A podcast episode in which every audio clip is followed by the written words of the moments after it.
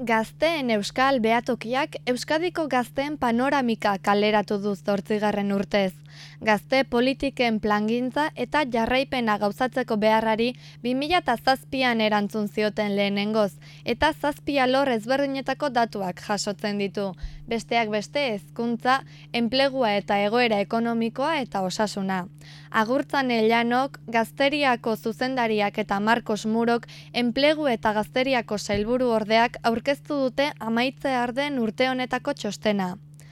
Azterturiko zazpi alorretariko lehenari erreparatuz gero, Eustaten demografia eta populazio datuek diote, amabost eta hogeita bederatzi urte bitarteko pertsonen proportzioa, Europako basuenetarikoa dela, amairu koma lau punturekin, beraz agerian uzten du horrek gizarte zaharkitu batean bizigarela. Bigarrena hezkuntza daukagu eta emaitza positiboak dakartza euskal gazteriarentzako. Izan ere, eskola uzte goiztiarra alegia derrigorrezko bigarren hezkuntzatik aratago ikasketarik burutu ez duen gazteen portzentaia Espainiakoarena baino euneko amar txikiagoa da. Eta Europar batasuneko batazbestekotik behera dago. Eun gaztetik zortzi lirateke hauek. Aitzitik, Euskararen eta Ingelesaren ezagueraren ondorioz, hiru hizkuntza menderatzen dituen gazteen tasak gora egin du.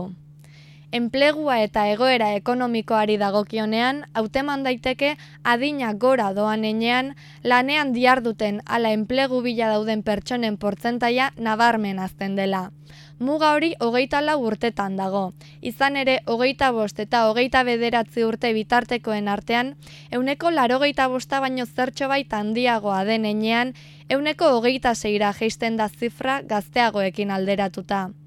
Ordea naiz eta langabezia tasa ia erdira murriztu den 2008 garren urtearekin alderatuz, esan beharra dago iraupen laburrekoak izaten direla lanaldi gehien txuenak, eta hogeita laburte arteko gazteen kasuan ia euneko laro igotzen da.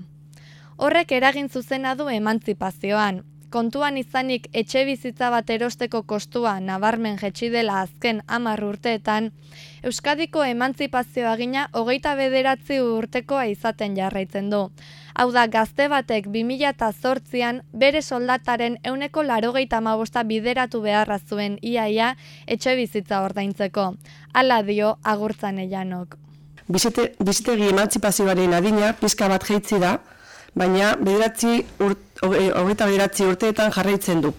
Lan merkatua, hobetu arren, etxe presio altuek baldintzatuta. Ondorioz, hogeita mala urte artekoen aukerarik errentagarriena, etxe bizitza babestu bat alokatzea suertatzen da, beren diru sarrerak direla medio. Bestalde, osasun erregistroen arabera, obesitate tasak behera egin du 2013 geroztik. Oroar gazteen osasuna egokia da eta baita norberaren osasunaren pertzepzioa ere. Aixiari erreparatuz, ama bost eta hogeita bederatzi urte bitartekoen artean gehiengoa zinemara joan oi da.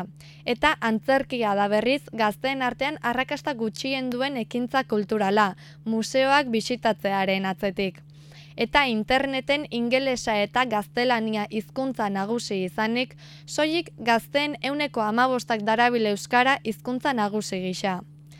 Euskal gazteriaren balio eta jarrerek urren ez urren unek onakoa erakutsi digute. Generoen arteko berdintasunean oraindik lan handia dago egiteko batez ere lan munduan. Emakumeen pertzepzioaren arabera, zailagoa suertatzen zaio emakume bati lana bilatzea, gizonezko baten prestakuntza berberak izan da ere. Iri segurtasunarekiko iritzia ere oso bestelakoa da.